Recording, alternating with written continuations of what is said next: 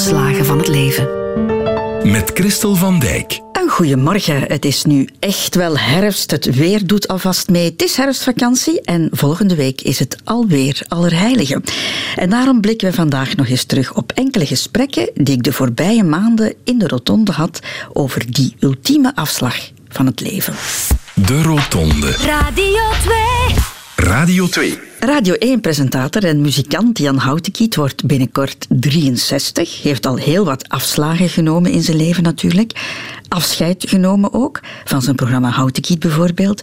Maar met het definitieve afscheid is hij nog niet echt bezig. Nauwelijks. Wel beseffende dat, uh, omdat ik genoeg in, mijn, in onze vriendenkring...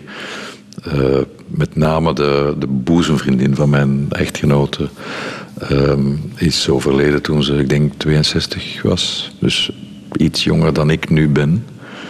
En heeft nauwelijks een jaar van haar welverdiende pensioen kunnen genieten. Dus de eindigheid, als ik daaraan denk, is de eindig, besef ik maar al te goed wat de eindigheid is. Maar voor de rest ben ik daar. Ja, ik heb natuurlijk. Ik kijk niet uit naar de dood. Uh, en zoals iedereen hoop ik dat dat met een minimum aan lijden gepaard gaat. Uh, voor de rest ben ik daar niet te veel mee bezig. Ik probeer wel. Ik, ik, ben nu de laatste maanden bijvoorbeeld toch iets regelmatiger aan het fietsen en dat doet me wel deugd. Ik voel me goed. Ik voel me misschien wel beter fysiek dan vijf of tien jaar geleden. Omdat je daar meer mee bezig bent. Ja, ik, ik, uh, ik probeer me toch een beetje fit te houden. En ik voel, ik, ik voel ook het effect daarvan. Ik, ik, voel me goed. Ik voel me goed. Om het met jou verminder te zeggen, ik voel me goed. En, en dat is misschien wel een fijne manier om die laatste 10, 20, 30 jaar van je leven door te brengen. Mm -hmm. Maar ik ga, ik ga, ik ga de, zaak, de natuurlijke evolutie niet omkeren natuurlijk. Dus stilaan gaat, gaan de, de de faculteiten wel afnemen. Hè. Dus wat ik kan en, en weerstand en, en uithoudingsvermogen en zo, dat gaat wel stilaan afnemen, dat weet ik. Maar je kan het afremmen. Maar ik lig er niet wakker van. Je wil kerkelijk begraven worden, Jan, heb je ooit eens gezegd. Dat, daar ben ik nog niet uit. Dan was ik uh, ofwel dronken, ofwel uh, een ander, uh, was het in een andere context. Maar ik, wat ik wel weet, en dat zal misschien de reden geweest zijn, uh, en daar komt wel wat kanteling in, dat ik, maar dat ik vaak de plechtigheden, met, die met de beste bedoelingen natuurlijk in crematoria worden gehouden, in, dus in burgerlijke uitvaartcentra, uh, dat ik, uh, als ik dat vergelijk bij een goede kerkelijke dienst met, met muziek en met teksten en met. dat is een beleving. Daar kom ik buiten, daar kom ik, dan kom ik met kippenvel buiten. En bij een, burgerlijke uitvaart wil dat al wel eens uh, wat anders zijn. Dus dat, een beetje dat, waarschijnlijk het, het gevoel waarmee ik dat kerkelijk huwelijk heb gedaan. Ik vind, ik vind kerken wel fantastische bouwwerken en plekken. En dat maakt indruk op mij. Ik vind dat, uh, ik vind dat in, ja, dat zijn soms kleine dingen, soms monumentaal. Maar dat verhevigt uh, de emotie wel op zo'n moment van een uitvaart. Dus misschien heb ik dan gedacht van dan maar liever in een, in een kerk dan in zo'n ja, toch wat saai, droog crematorium. Nu, tegelijk weet ik uit ervaring, daar is kanteling in aan het komen. Er zijn crematoria die daar alert voor zijn en die echt uh, warme, warme plekken zijn ook, waar men, waar men oog heeft voor dat soort uh, dingen. Maar ik ben er nog niet. Ik, ja, ik denk de mensen na mij zullen wel weten wat ze met mij moeten doen, zeker. Behalve ons eigen afscheid, Jan, moeten we ook, uh, en dat is denk ik nog moeilijker, omgaan met het afscheid nemen van, van mensen die we graag zien. Je hebt dat moeten doen met jouw vader. Hij is 16 jaar geleden overleden, ja. 82. De, 2002. Heb je van hem afscheid kunnen nemen? Hoe bedoel je? Dat ik eh, heb kunnen zeggen, ja. papa, ik neem nu afscheid. Zoiets. Dat... Ja, daar ben ik een beetje... Op een gegeven moment weet je natuurlijk dat het gaat gebeuren. Um, maar ik, heb, ik had het daar moeite mee om dat, om dat te zeggen. Wel om te zeggen dat ik hem graag zag. En dat is allemaal geen probleem. En om goed voor hem te zorgen, of tenminste er te zijn, te veel te weinig in mijn geval. Ehm, maar echt letterlijk zeggen van, ja, we weten nu allebei, nu de laatste weken is hij toch langzaamaan in een, in een coma gegaan. Dus veel conversatie was er, was er niet meer bij. Maar dat uitspreken, dat is moeilijk. Dat heb ik niet echt gedaan. Vind ik dat erg? Vindt hij het, eh, vond hij dat toen erg? We wilden hem natuurlijk laten, enfin, we wilden niks laten geloven, maar. mm, Want we wisten dat het niet goed ging aflopen. Ja, moeilijk. Ja. Ik ben er nog niet uit. Ik ben er nog niet uit. Dan gaan we daar over stoppen ook, Jan. Ja, ja. Ik denk dat, ja, we hebben er wel vrede mee. Het, is, we, we waren, er was geen conflict, er was niks meer dat moest uitgesproken, uitgepraat worden. We waren, ik- ik denk dat ik hem nog, eh, het was net de periode dat ik net hoofd werd op Radio 1 en dat heb ik hem nog, nog kunnen vertellen. En ik ben me te herinneren dat hij daar wel blij om was. En we waren toen aan een, ja, we waren toen aan een cd bezig met Patrick Rigel. En ehm, het moment dat hij naar de palliatieve afdeling ging, zaten we in volle studiosessie. En ik ben toen, eh, de dag dat we hem daar naartoe gebracht hebben, moest ik naar de studio. En ik ben toen in die studio gekomen. Ja, ik was compleet van mijn melk. Ik weet, we hebben elkaar toen heel hard vastgepakt, de vier muzikanten. Ik ben naar de piano gegaan, ik heb een stuk gespeeld. En de technicus heeft de alertheid gehad om dat op te nemen. En dat heb ik hem nog kunnen laten horen. Ik ben blij dat ik dat heb kunnen doen. Voor schrijver Ishaït Amou is de dood een wezenlijk onderdeel van het leven. Dat kantelpunt speelt overigens een belangrijke rol in zijn cultuur en hij zelf denkt er ook heel veel over na. Ja, heel vaak. Ik schrijf er ook heel vaak over. Ik denk ook dat in onze opvoeding, alvast weer vanuit het Marokkaanse en islamitische cultuur, is dood een onderwerp. Omdat dood iets is dat je eraan moet herinneren om zo goed mogelijk te leven. En je best te doen. En een zo goed mogelijk versie van jezelf te zijn als mens. Dat je beter moet worden hier. Dat je steeds maar een betere mens moet worden. En dus, dus dat is altijd een onderwerp geweest. En ook mijn ouders. Dus ik heb, in onze straat zijn er heel wat ouders gestorven van andere eh, familieleden. Zijn onze, de oma en de tantes. En, eh, en ik zie mijn ouders ook wel ouder worden. Dat is ook zo'n pijnlijke herinnering. Soms, je ziet je, je vader, je ziet hem dingen niet meer kunnen doen dat hij wel kon. En je ziet je moeder ietsje langer een dutje nemen dan gewoonlijk. En natuurlijk, ze worden ook ouder. En dus, dat is zo... Het besef dat je afscheid moet, zal moeten is- nemen ooit. Afscheid is, is, is niet te vermijden. Dus het enige wat dat ik denk ik het beste doe voor mezelf is, is het net erover na te denken. Ergens voorbereid zijn. Erover te praten, erover te schrijven. Het inzien als een, en als een normale zaak. Zodat ik hopelijk, als het tijd er is om afscheid te nemen van de mensen van wie ik geen afscheid wil nemen, dat het al genoeg in mijn systeem is om het te kunnen hopelijk verwerken, aanvaarden. eh, Je zegt doodgaan is een wezenlijk onderdeel van onze cultuur. Is afscheid nemen dat ook? Is dat ook iets dat gemeenschappelijk beleefd wordt? Ja, in de, in de Marokkaanse cultuur is dat echt zo. Dus eigenlijk, ik vind het een heel moeilijk moment, het afscheid nemen. Het is heel, pijnlijk en tegelijkertijd heeft het iets heel moois en poëtisch. Omdat als, als, een, als eh, een man of vrouw bijvoorbeeld op een sterfbed ligt, dan komen de mensen van de buurt langs het sterfbed. En dan fluisteren ze laatste woorden in de oren van de persoon. En, en dan zeggen ze in het Arabisch: Moussamaha, is ze vragen om vergiffenis.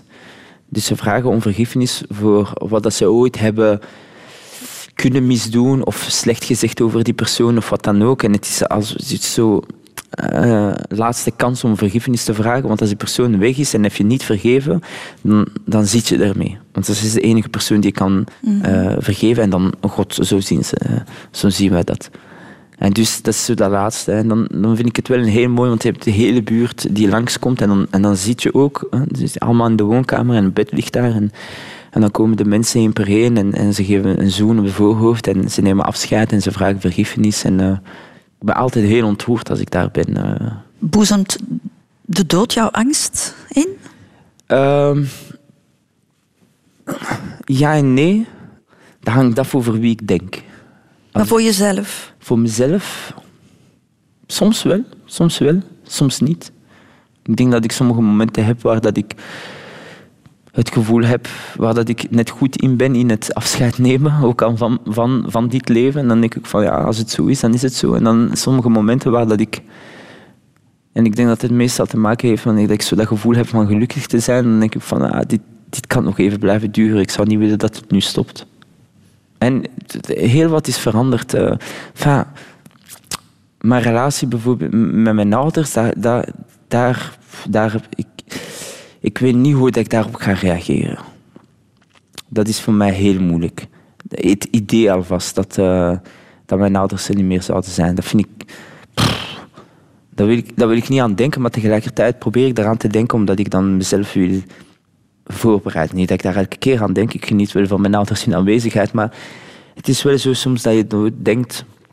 Zeker als ik ze zo, zo als ik mijn vader minder goed zie kijken en uh, raas ik de vermoeidheid. Ik, zie, ik voel wel de vermoeidheid bij hen af en toe. En, en dan, dan is het zo een beetje tricky. Ja. En dan, dan, ja, dan in familieverband is dat wel, vind ik heel moeilijk. Mijn vrienden vind ik het ook moeilijk, maar het is weer anders. Maar de familie van mij is altijd heel moeilijk. Mm -hmm. Ja. En ook als ik denk aan gewoon mijn eigen utopie, dan, uh, dan, dan vind ik het lastig. Als je denkt aan kinderen, denk aan mijn zoon, dan. Ik heb nog heel wat te doen. Ik heb nog heel wat te doen, dus ik zal niet. Ik heb heel wat meegemaakt en dat vind ik fijn, omdat ik heel veel uh, uit heb geleerd en ik, ik, ik, en ik wil het wel nog tijdig meegeven. Uh, omdat ik denk dat ah, ik wel, zoon bedoel ja? Ik denk, ja. dat ik, ik denk dat ik nog wel wat antwoorden heb.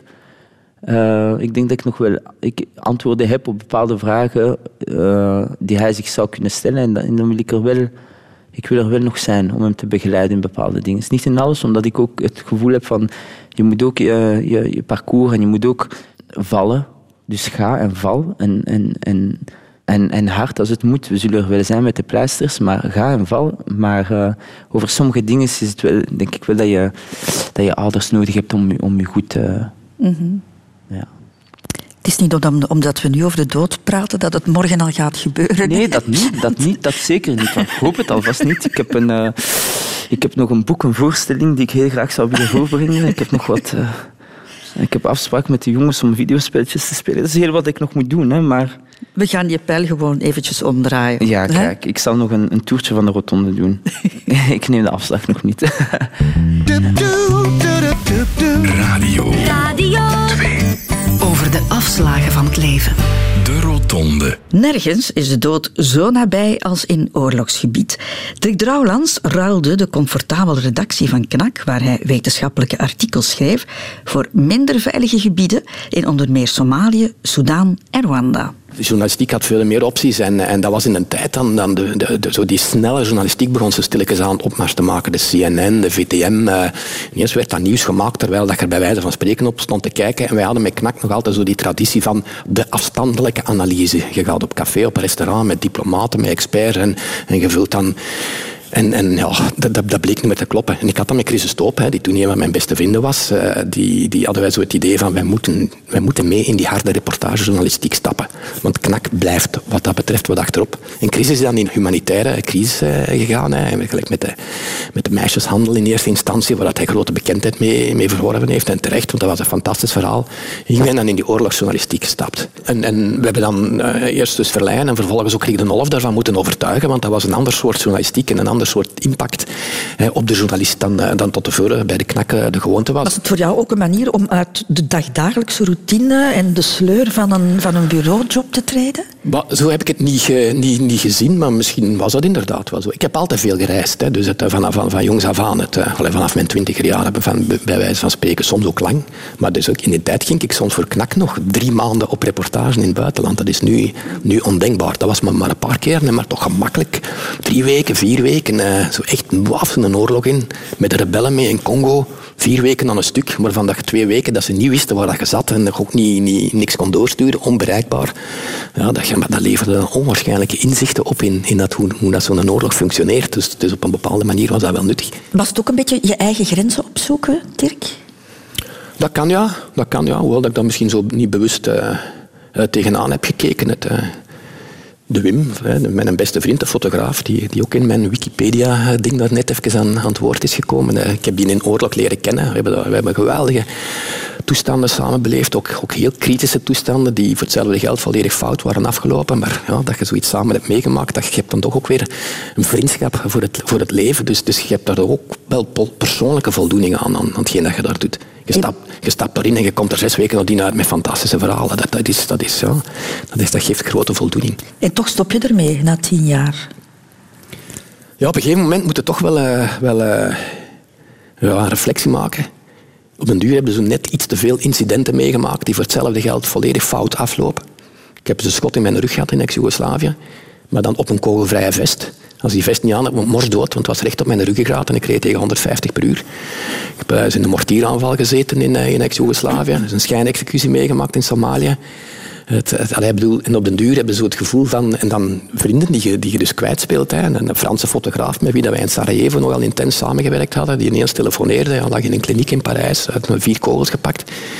En uh, die heeft dat wel overleefd. Maar heeft, heeft een, een, een, gedeeltelijke verlamming aan overgehouden. En op den duur hebben ze het gevoel van... Shit, ik denk dat mijn engelbewaarder het begint te laten afweten. En dan krijg je de schrik. En dan moet, er, dan moet het verstand hebben van eruit te stappen. Kan ik zeggen dat jij een van de eerste in Vlaanderen bent geweest die dat soort journalistiek gedaan heeft? Uh, misschien wel, ja. Zo, zo nauw zou ik het niet, uh, maar in die tijd waren er niet heel veel. En zeker niet, wat dat wel eens gebeurde, is dat mensen meegingen met Artsen zonder Grenzen of, of met Rode Kruis of zo. Dus toch nog in een min of meer gecontroleerde context. Terwijl wij er echt helemaal blind in gingen, hè, losgekoppeld van eender, eender welke dingen. Zo echt die echte, echte harde veldreportages. Maar misschien, maar dat, dat, dat vind ik op zichzelf ook niet relevant. Is het moeilijk om daarna terug het gewone leven aan te vatten? Ik heb sowieso ooit een moment, dat was in een tijd dat ik ex-Jugoslavië volgde. Ik had zo, een week of vier ongelooflijk in de shit gezeten en van alles meegemaakt. En ik woonde toen nog in Gent. En er was een supermarkt, een kleine superette bij mij om de hoek, waar ik altijd mijn boodschappen ging doen. En, uh, en uh, ik kom daar dus aan en de, de uitbater, de Edwin, ik zal hem nooit vergeten. Dus nog een vrij jonge gast. Ah, ik heb je een tijd niet gezien. Uh, waar, waar heb je gezeten? Ik heb een maand in Sarajevo gezeten. En die antwoordde erop van, ah, zijn er veel toeristen in deze tijd van het jaar? Dat relativeert het ook op een bepaalde manier ook wel heel erg. En dan, meestal, meestal bouwden wij zo'n een, een overgangsperiode in. Als we terugkwamen uit ex-Jugoslavië, dat we drie, vier dagen bleven zitten in een klein hotelletje langs het strand in Kroatië om even de switch te maken naar een min of meer normaal leven terug. Maar voor jezelf, na die tien jaar, om dan terug gewoon hier in België je job te doen? Ja, dat ging. Dat, uh, dat, uh, ik ben ook terug van die meer, uh, meer expedities in de meer de wetenschappelijke en de natuurbeschermende sfeer beginnen doen, die ook niet risicoloos waren, maar een heel ander verhaal. Maar ik heb daar bijvoorbeeld geen posttraumatische stress aan overgehouden of zoiets. Dus dat, dat dus niet. Ik wist alleen dat ik eruit moest wegblijven. Ik, mis het, ik heb het ook niet gemist. En ik zou er nu nooit van zijn leven nog terug, uh, terug instappen. Dat, nee? dat gegarandeerd niet. Nee. Daar kan ik niet meer tegen, denk ik. Je moet, je moet er toch een bepaalde losbollerigheid voor, uh, voor hebben. En, uh. Te oud geworden, Te eigenlijk. Oud geworden, ja. Radio 2. De Rotonde. Het leven van actrice Jackie Lafont was dikwijls een pad met heel veel hindernissen. Maar wat ze nooit kwijtgeraakt is, is haar optimisme. En dat trekt ze zelfs door tot aan haar kist, want ze wil honderd worden. Ja, Christelle, ja, echt waar. Ik hoop dat ik honderd mag worden. En dat ik het hier nog... Allee, ja. Ik bedoel dat, dat ik nog weet goed, ja. wat ik zeg, dat ik nog weet wat ik doe, ook al heb ik wat hulp nodig. Daar heb ik geen probleem mee. En uh, ja, hier ga ik weer met mijn mama. Mijn mama vond het heel erg de dag dat ze niet meer zelfstandig kon zijn. Ik heb het geluk gehad dat mama nog 88 is mogen worden, dat ik ze nog heel hard heb mogen verwennen, dat we goed gezorgd hebben voor haar, ook haar kinderen en kleinkinderen en achterkleinkinderen. En dat ze haar zelfstandigheid uh, moest afgeven. ze vond het ook heel erg de eerste keer dat ze haar moesten komen wassen. Mijn mama was een hele mooie, fiere, intelligente, fantastische vrouw en zeker mama. En dat vond ze heel erg. En daar zou ik het ook moeilijk mee hebben. Ik mm. ben ook iemand, ik sta op en ik ben weg. Ik moet onder de mensen zijn. Ik ben, ja, ik heb altijd hondjes gehad. Nu heb ik dat niet meer. Ik heb het helaas moeten afgeven. Maar in de lente komt er terug zo'n klein puppyke. En dan moet ik buiten. Ik woon op een appartement, dus dan moet ik buiten. Maar de dood vind ik uh, het ergste wat er is in het leven. Omdat ik zo graag leef, omdat ik het leven zo fantastisch vind, met alles wat er geweest is. Omdat ik alles ook heel positief en ja, heel positief kan relativeren ook. In de mooiste zin van het woord. En, en ook het kan opzij schuiven en verder gaan met het positieve. Maar de dood vind ik nog altijd het ergste wat er is in het leven. Dat klinkt misschien raar, maar het is zo. En mensen staan daar ook niet altijd bij stil. Van, eigenlijk kunnen wij, en ik ik kan het zeker van meespreken, perfect gelukkig zijn met heel weinig. Mhm. Heel weinig. Je bent gelovig, Jackie. Is dat een troostrijke gedachte als je aan die laatste afslag denkt? Nee. Nee. Als ik het geluk heb om 100 jaar te worden, dan ben ik heel dankbaar. En dan weet ik dat de dood alle dagen klaar staat voor mij. Nu weet ik ook dat elke dag een cadeau is. En ik kan straks naar Oostende rijden, of naar waar ook, of naar Antwerpen. En ik kan ook verongelukken. Maar daar denk ik nooit aan. Mhm. Maar als je 100 jaar bent, en dan wil ik nog een keer gevierd worden, en dan mogen ze mij komen halen. Maar je denkt wel dat er iets is na dit leven? Ja, zeker weten. Daar ben ik heilig van overtuigd. Ja. Ik ben daar 100% van overtuigd dat er nog iets is. Oké, ons lichaam is weg, maar de ziel blijft. Ik denk daar ook heel weinig aan. Maar ik ben, daar maar ik ben mij daar heel goed van bewust dat er nog leven is na de dood. Ja. Dat is toch een troostrijke gedachte? Ja. Dat je bijvoorbeeld jouw zus misschien ooit nog gaat ontmoeten. Want je hebt veel te jong moeten, moeten van afscheid nemen. Absoluut. 49 was ze? 49, ja hersenbloeding en op een uur was het, was het gedaan. Ook mijn nichtje. En mijn mama zeker. Ehm, maar de dood is ook iets, en dat weten wij allemaal, en het, dat is nu ook het leven, dat staat ons allemaal te wachten. Maar hoe moet ik het verwoorden? Uh, ik heb zoiets van, nu heb ik ook al, als ze mij nu komen halen, uh, heb ik ook zoiets van, ik heb toch een heel mooi en vooral een zinvol mm. leven gehad. En ook mijn doodsprentje ligt al klaar. Mijn euthanasie ligt klaar. Dus op mijn DELA-verzekering is geregeld dat mijn dochter geen kosten heeft aan mij. Ik wil ook een mooie begrafenis. En als ik er niet meer ben, wil ik terug naar de zee. Aan het Thermepalace in Oostende, staat ook allemaal beschreven. Mijn dochter weet dat ook. En mijn prentje, en ik durf dat gerust zeggen, daar staat gewoon op: bedankt voor wat ik mocht geven, bedankt voor wat ik heb gekregen, bedankt voor mijn mooi en zinvol leven. Tot later. Veel liefs, Jackie. En zo zal het zijn. En zo is het ook. Ik heb een prachtig leven gehad, nog altijd. Ook de zon schijnt naar de toekomst toe. Ik weet dat er nog mooie dingen op mijn pad gaan komen. En daar wil ik met volle teugen van genieten. En dat wens ik ook alle luisteraars toe. En u ook natuurlijk.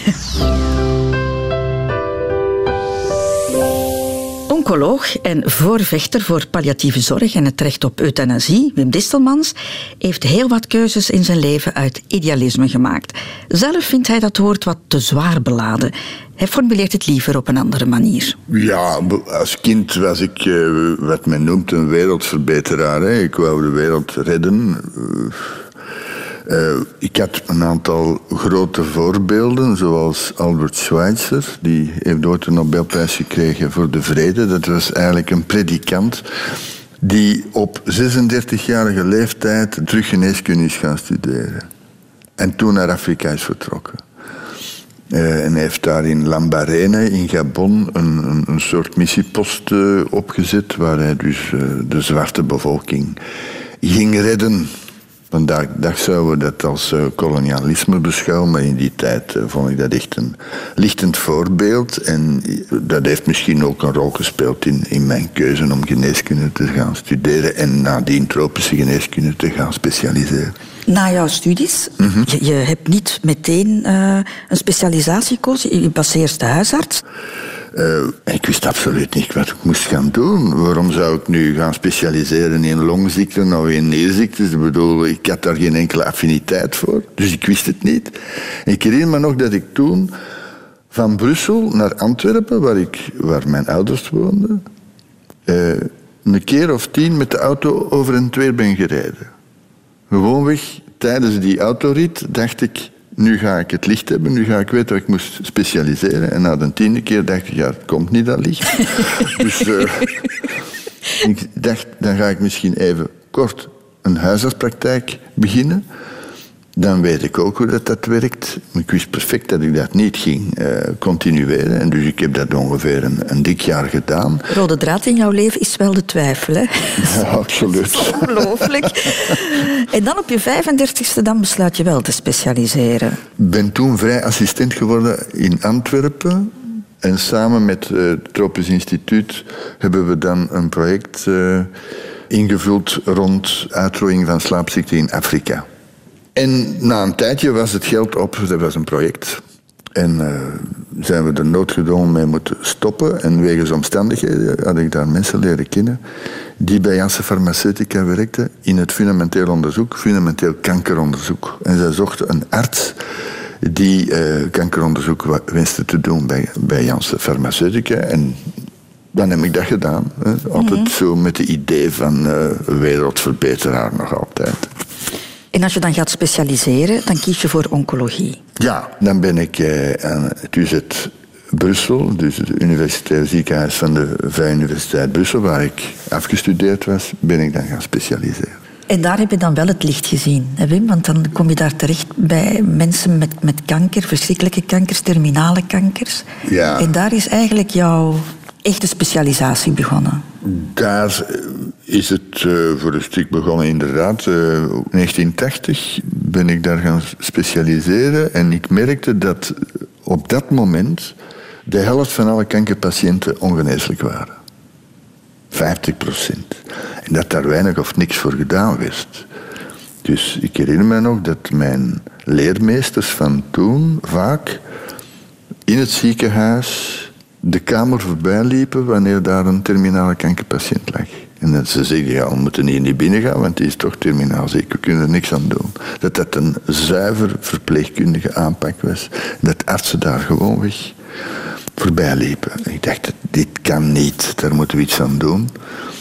En er bestond nog niks op dat moment. En aan de VUB, want ik wil dat toch nog wel eens zeggen, zijn wij begonnen onder impuls van een verpleegkundige, Lisette Kustermans, zijn wij begonnen met palliatieve zorg op de kaart te zetten in België. Ik vind het fundamenteel om dat te zeggen, omdat tegenwoordig eh, mensen vanuit de katholieke hoek vaak beweren, ja, aan de VUB zijn ze alleen bezig met levensbeëindiging en met euthanasie en wij zijn voor palliatieve zorg. Wel nu, wij aan de VUB zijn gestart met de palliatieve zorg. Jaren voordat er sprake was van een euthanasiewet. Kreeg je daar ondersteuning in? Dat is natuurlijk uh, een universiteit die staat voor ethische waarden. Dus uh, op dat moment uh, vonden ze dat wel nuttig, maar ze hadden ook nog niet helemaal door wat de impact van palliatieve zorg was. Dus pas nadien gegroeid dat men begreep waar we eigenlijk mee bezig waren.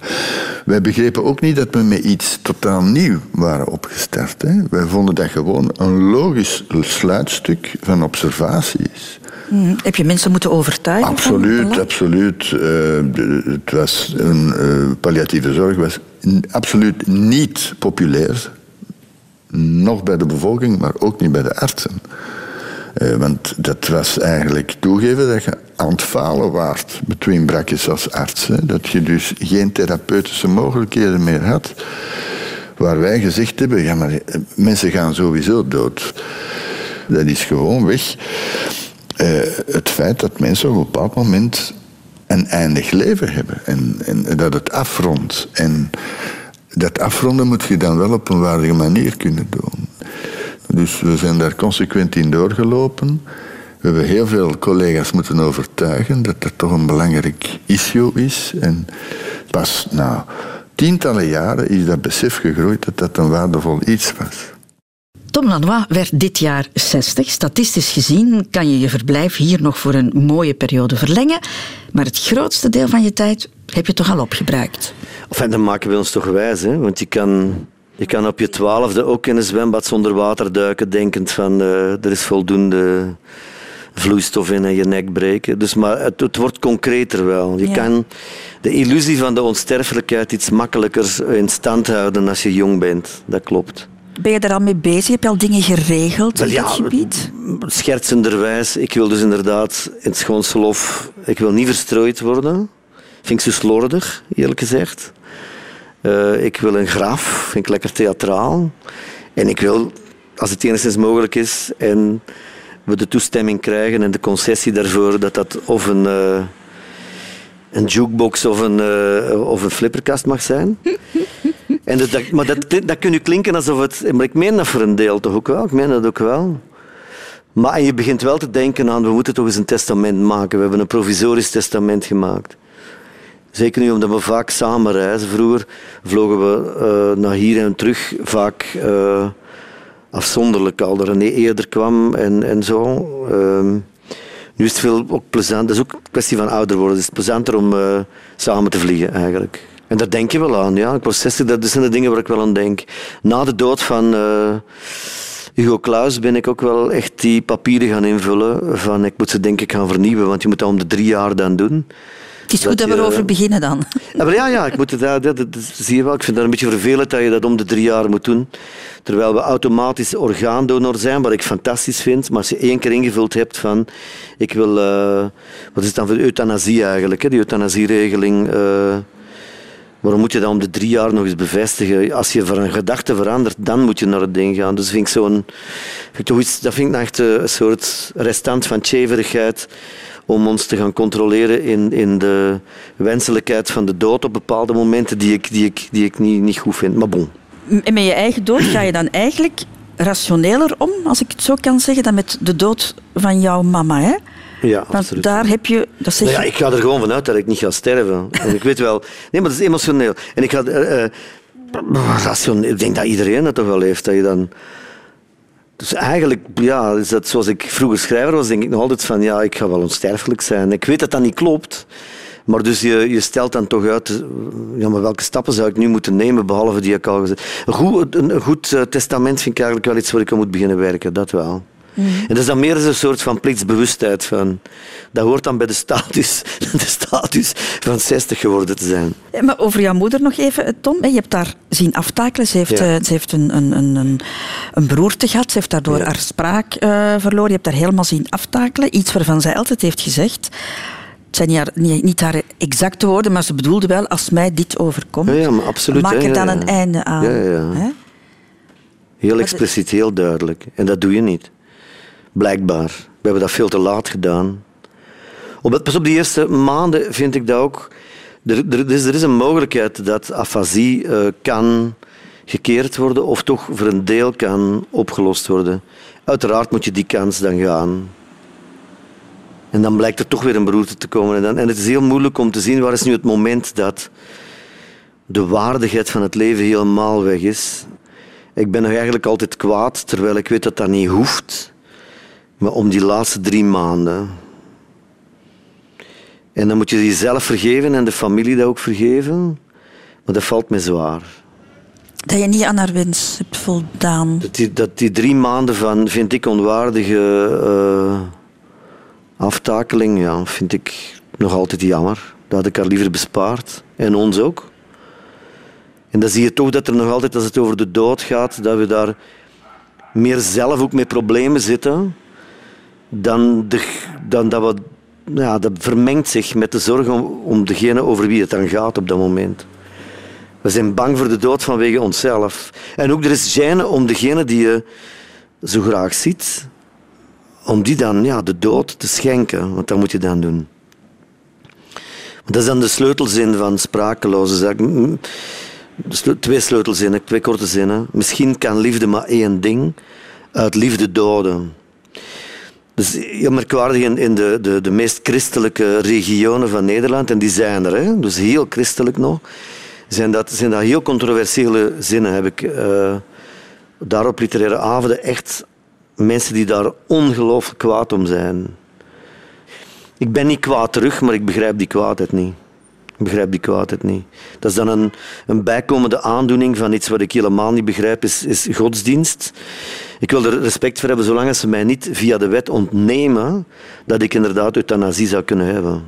Mhm. Mensen moeten in een eigen bollewinkel om een, om een kerk en een moskee en een, uh, uh, een synagoge zo maar te noemen. En de rest, en de, de, de vrijmetselaarsstempels, die moeten daar maar beslissen wat, voor zichzelf wat ze doen. Maar ze moeten niet voor iedereen daarbuiten nog gaan beslissen wat er moet gebeuren.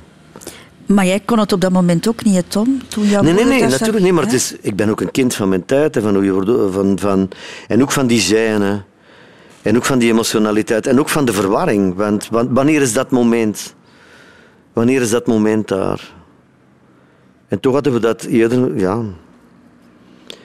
Maar dat zijn zaken die je nooit meer helemaal uitgeklaard krijgt en waar dat schuldgevoel er dan wel is, maar tegelijkertijd een, een rationeel, uh, rationele schuldontheffing. We bedoelden het goed. Het is niet dat we het slecht bedoelen. Maar ik vind dat we nog altijd in onze cultuur, die zo, zo verslaafd is aan jeugd en aan de schoonheid van de jeugd, waarbij alles van ziekte, aftakeling, ouderdom en al zeker de dood altijd een nederlaag is, dat is echt een van de, van de grootste knopen voor alle mensen die in die cultuur moeten leven. Zo totaal verslaafd aan jeugdig zijn. Dat, vroeger gingen uh, mensen van 14, 15 jaar gingen zich al kleden als volwassenen. Nu zie je, en niet alleen op het strand, 80-jarigen die zich uitdossen met leggings en met, met sportschoenen. En, en, alsof ze nog... Daar zit een zo, gra, zo grote graad van tragiek in.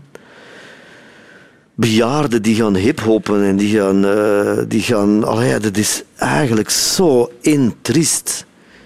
Als je oud bent, wees oud met stijl maar wees oud. Accepteren. Accepteer. Accepteer. Maar verzorg je wel goed, hè? Ja, maar accepteer wel dat je. Dat je daar heb ik veel minder moeite mee dan ik dacht voor mijn dertigste. Was panisch voor de dood toen ik, voor ik dertig was. Nou, ik door die dertig. En dan het bereiken van in de literatuur wat ik allemaal vond dat ik moest doen daarvoor. En ook zeker na het schrijven van Sprakeloos durf ik in literatuur alles en ben ik toch minder bang voor de dood geworden. En veel meer accepteren van ja, ik word 60. Oké, ik zie er lang niet slecht uit voor mijn 60. Maar ik ben nou de eerste keer in mijn leven een soort sekssymbool ontworden eigenlijk, toch? Ja. Het kan zijn dat mijn, dat mijn oog met mijn zicht heel erg achteruit ontgaan is natuurlijk, maar nee. Nou ja, ik vind dat ik het best mag zijn op mijn zestigste. De spirit toch, Christel? Wat is het nou? Het is ja? waar, Moet ik nu even... Ja, je moet beamen nu, nu even moet, Ik heb aandacht nood nodig. aan zelfbevestiging. Ja, ja, ja, absoluut. Je ziet er nog heel. Maar jij ook hoor, ongelooflijk. Het is jammer dat het radio is eigenlijk. Hè. Het zou tv moeten zijn, toch? Twee zo'n prachtige, aftakelende mensen bij elkaar. De Rotonde. Radio 2. Radio 2. De vader van journaliste Linda de Win werd 88, maar haar moeder stierf vrij jong, ze was nog maar 69. En zelf vindt Linda ook dat haar tijd korter en korter wordt. Als ik zie hoe oud ik eh, nu al ben, dus dat is eh, 61, dus dat is toch niet meer jong. Dan denk ik, ik heb misschien nog 10, 15 als ik geluk heb, goede jaren te gaan. Goede tussen aanhalingstekens. En dan, ja, daarna gaat het eh, bergaf. Dus ik wil zeker geen 100 of 105 worden. Als ik zo foto's zie van de oudste mensen van België, dan denk ik van, oeh. Oud worden, dat is ook aftakelen. Nee, want eh, je kan niet eeuwig jong blijven. Als je een beetje geluk hebt met je gezondheid, dan gaat het nog. Maar dan nog. Eh, we hebben allemaal wel onze kwaaltjes. Eh, wat ik eigenlijk belangrijk vind, is eh, zo lang mogelijk, en daar heb je het woord weer, weer zelfstandig kunnen blijven eh, wonen. Dus jouw ideale dood is gewoon in je eigen bed, Ja. niet meer wakker worden. Zoiets? Goh. En dan denk ik, ja, moet je dan geen afscheid kunnen nemen? eh, maar dan ja, van wie? Dat lijkt mij ook eh, verschrikkelijk. Afscheid moeten nemen en dan weten dat je dat het gedaan is. Dat, vind ik ook niet. Eh, Ik bedoel, mijn vader en mijn moeder zijn overleden. Mijn vader is, eh, had een behoorlijke leeftijd, 87, 88. Is gevallen, is in coma gegaan en is nog eventjes eruit gekomen, maar dan ja, hebben ze hem ja, gecedeerd eigenlijk en dan is hij stilletjes weggegleden. En mijn moeder die had kanker en is ook op een bepaald... Ze was in en uit het hospitaal. Eh, ze wou niet toegeven dat ze kanker had. Dus ook, dat, was, dat is al een heleboel jaren geleden. Dat was ook verschrikkelijk, want je kon daar dan ook niet met haar over praten. En ze dacht, of zij gaf de indruk van, ik kom nog wel terug. Terwijl ze... Ja, eh, ze was aan het verschrompelen. Allee, als ze in de spiegel keek, dan moet ze dat zelf ook wel gezien hebben. Maar ze kon dat aan zichzelf niet toegeven. En voor ons was dat ook heel moeilijk. Dus op een bepaald moment is, is, zij, ook, is zij ook, denk ik, uit dat ziekenhuisbed ge, of geklommen en gevallen. Ook in een coma geraakt. Daar hebben we ook geen afscheid van kunnen nemen. Dus op één nacht is, is het dan gebeurd. Hoe moeilijk is het om niet te kunnen praten met iemand die, die ziek Ja, dat, is, dat was heel moeilijk. Dat was heel moeilijk. Om dat ook te moeten verstoppen dan? Ja, dat was heel of te moeilijk. doen alsof? Dat was heel moeilijk. Ja. Maar ik zeg het, dat was in het einde van begin van de jaren 90. Ja, eind van de jaren 80, begin van de jaren 90. Eh, sindsdien is ook de ziekenhuiscultuur, zal ik maar zeggen, heel geëvolueerd. En, maar toen was er niemand, eh, ook niet van het verplegend personeel, die, eh, die een aanzet gaf om dat bespreekbaar te maken. En ik weet, dat was de beginperiode dat ik op de VRT was, dus ik had toen ook andere bezonjes. Dus ik ging, ik ging dat ook uit de weg, ik geef dat eerlijk toe. Je probeerde het haar dan zo gemakkelijk mogelijk te maken. En je ging mee in haar verhaal, want ja, je bent dan niet... eh, je, je hebt je werk, eh, daar moet je je weg banen. Dus je hebt dan geen zin nog eens in een harde confrontatie. Dus je probeert dat eigenlijk zo makkelijk mogelijk te laten verlopen. Maar dat was niet gemakkelijk, hoor. Dus dat is een beetje laf natuurlijk, hè. Heb je het daar daarna moeilijk mee Ja, gehad? ik heb daar nou wel moeilijk mee gehad, ja. ja. ja. Maar ik weet niet of, eh, of het voor haar makkelijker zou geweest zijn om dat bespreekbaar te maken. Dat weet ik eigenlijk niet. Ik denk dat ze het gewoon niet wou zien. Want ik was toen, eh, ik was toen volop eh, bezig, dus ik had nog niet zo lang eh, mijn huis gekocht. Het oude, dus het huis, het oude huis. En eh, daar moest van alles in veranderd worden. En ik weet dat mijn moeder dan nog, dus net een paar weken voordat ze in coma is gegaan, nog zei van, oh ja, we gaan dat nog doen en ik ga mee. Dus dat was zo precies alsof er nog een hele toekomst was. En ging nog mee kijken voor dit en voor dat. Dus dat, het echt ontkennen van... eh, van haar eigen situatie. En daar mocht nee, ze wou daar echt niet over spreken. Ook, de familie mocht het ook niet weten. Dus die wisten het natuurlijk wel via ons. Maar eigenlijk mocht, mochten ze het niet weten. Ze hadden ook niet graag ziekenhuisbezoek en zo. Alle- Alleen de echte naaste familie. eh, maar voor de rest eh, moest daar niemand komen. Ik vond dat heel vreemd, want eigenlijk was zij een heel sterke vrouw. En, maar op, op dat vlak dus niet. Dus, eh, Maar voor een sterke vrouw is het waarschijnlijk heel erg om Ja, zo af te ik, ja, taken ja, ja, en om dat te moeten toegeven.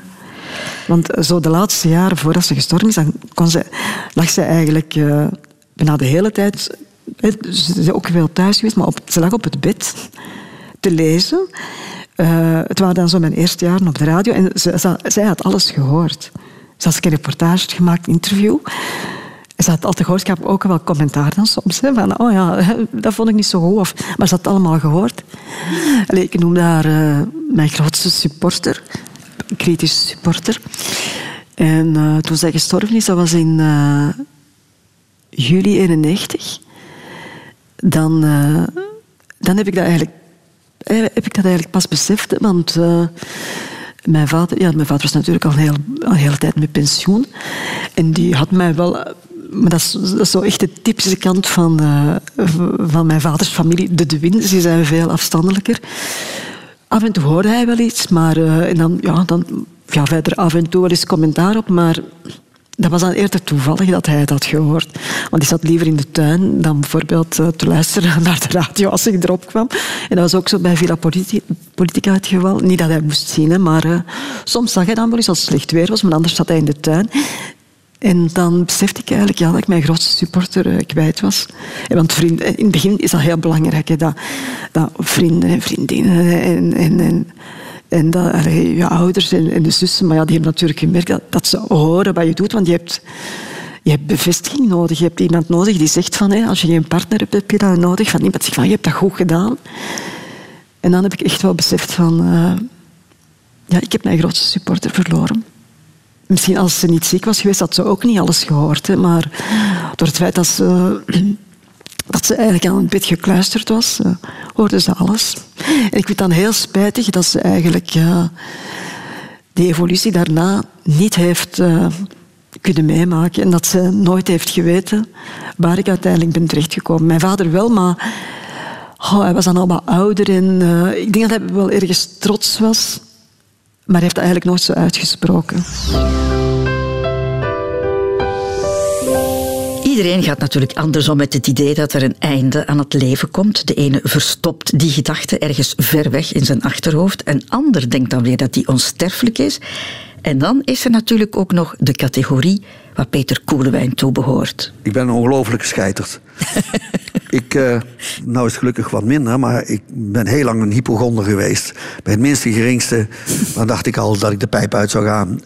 Nu word ik steeds ouder. Je wordt ook steeds meer met de dood geconfronteerd, omdat er steeds meer mensen om je heen wegvallen. Begint er een soort, uh, niet laconiek, maar een soort berusting. Omdat je weet, hoe ouder je wordt, hoe dichter bij het komt. Wat niet echt helpt, is dat Els overbezorgd is. Die, uh, uh, en misschien heeft ze er wel gelijk in. Die uh, over mij waakt als een, uh, wat dat betreft. Gezondheid en dat soort dingen. daarom eten we ook bijna nooit meer vlees. Um, helaas. dus dat helpt niet heel echt. Maar ik begrijp haar wel. Ik ben nog steeds bang voor de dood, maar er komt steeds dichterbij dat die angst steeds minder wordt. Zo panisch als ik vroeger was, dat ben ik niet meer.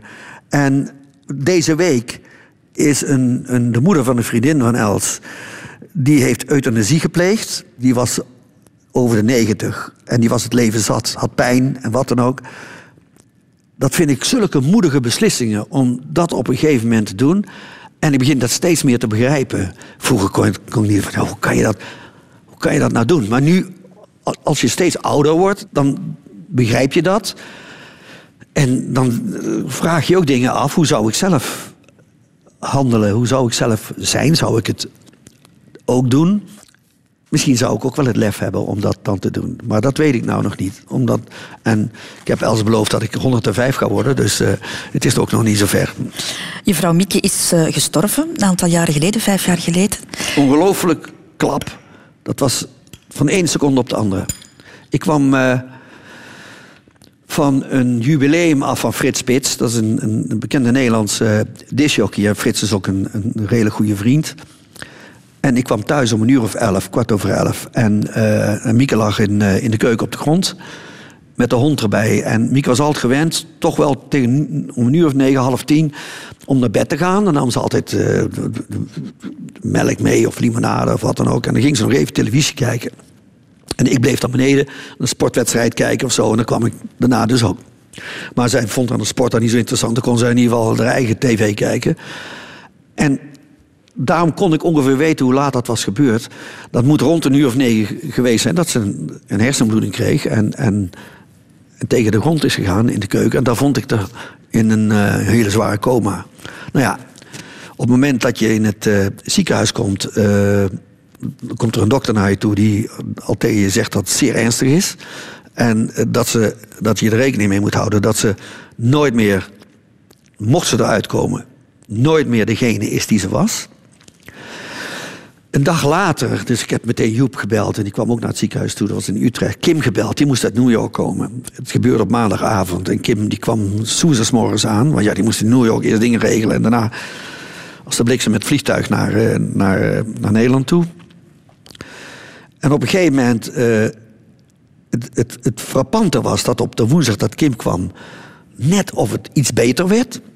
En we weer hoop kregen van nou, misschien pakt het nog goed uit.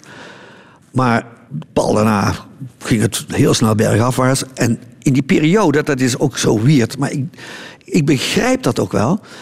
Dan komen er al doktoren of psychologen of welke mensen zich daar ook mee bezighouden. Die komen naar jou toe of naar de nabestaanden toe om te vragen. eh, ten eerste of Mieke een, een, een had, dat had ze niet.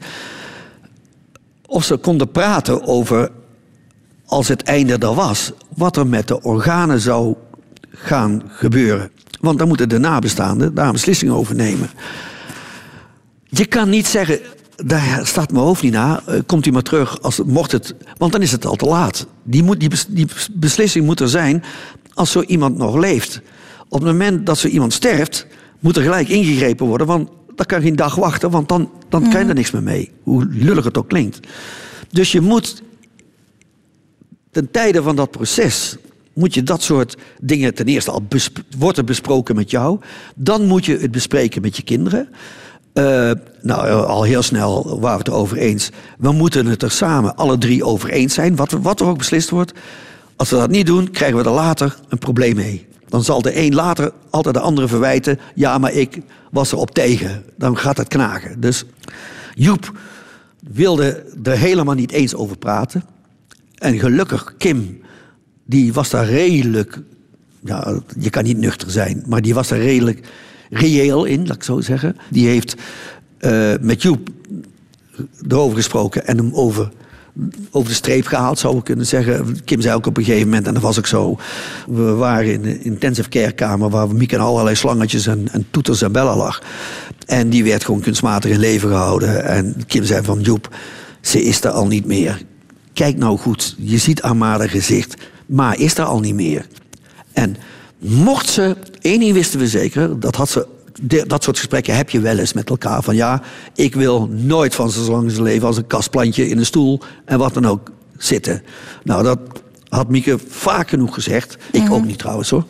En eh, dus dat wisten we zeker. En eh, nou, op een gegeven moment was Joep het ook mee eens. En toen hebben we besloten dat de medische staf kon beschikken over, over het lichaam, zou je kunnen zeggen. Toen vroegen ze ook nog of we wilden weten wat er mee was gebeurd. Ik zei, nou, ik hoef het niet te weten. En, en Joep ook niet, maar Kim wel. Die zei van, nou, ik wil het wel weten. En daar ben ik toch blij om. Want later werd Kim gebeld. Om, eh, en die belde mij toen weer op, of ik het wilde horen wat er met de organen, wat ze hadden kunnen doen. En ik was toch blij dat ze Kim hadden gebeld. Want, eh, en ik dus ook. Het idee dat we andere mensen ongelooflijk hebben kunnen helpen. En zelfs zo sterk dat eh, een half jaar geleden kreeg Kim... want dat was de contactpersoon steeds... een brief van zo iemand, die, die, die, een, onbekende... er stond geen afzender of wat dan ook op...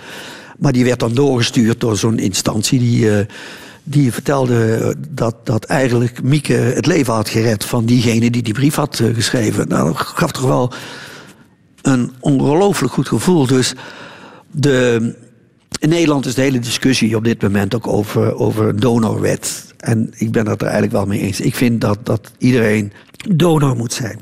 Om, want je kan, morgen kan het jou overkomen een kikker in mijn keel. Niet omdat het nou zo emotioneel is, maar het is nu helemaal zo. Radio 2. De Rotonde. Acht gesprekken over de eindigheid van het leven, de ultieme afslag op onze persoonlijke rotonde. Of zouden we daarover toch nog kunnen onderhandelen, zoals Gert Verhulst van plan is? Als ik de 80 niet haal, dan, ik, eh, dan vraag ik mijn geld terug.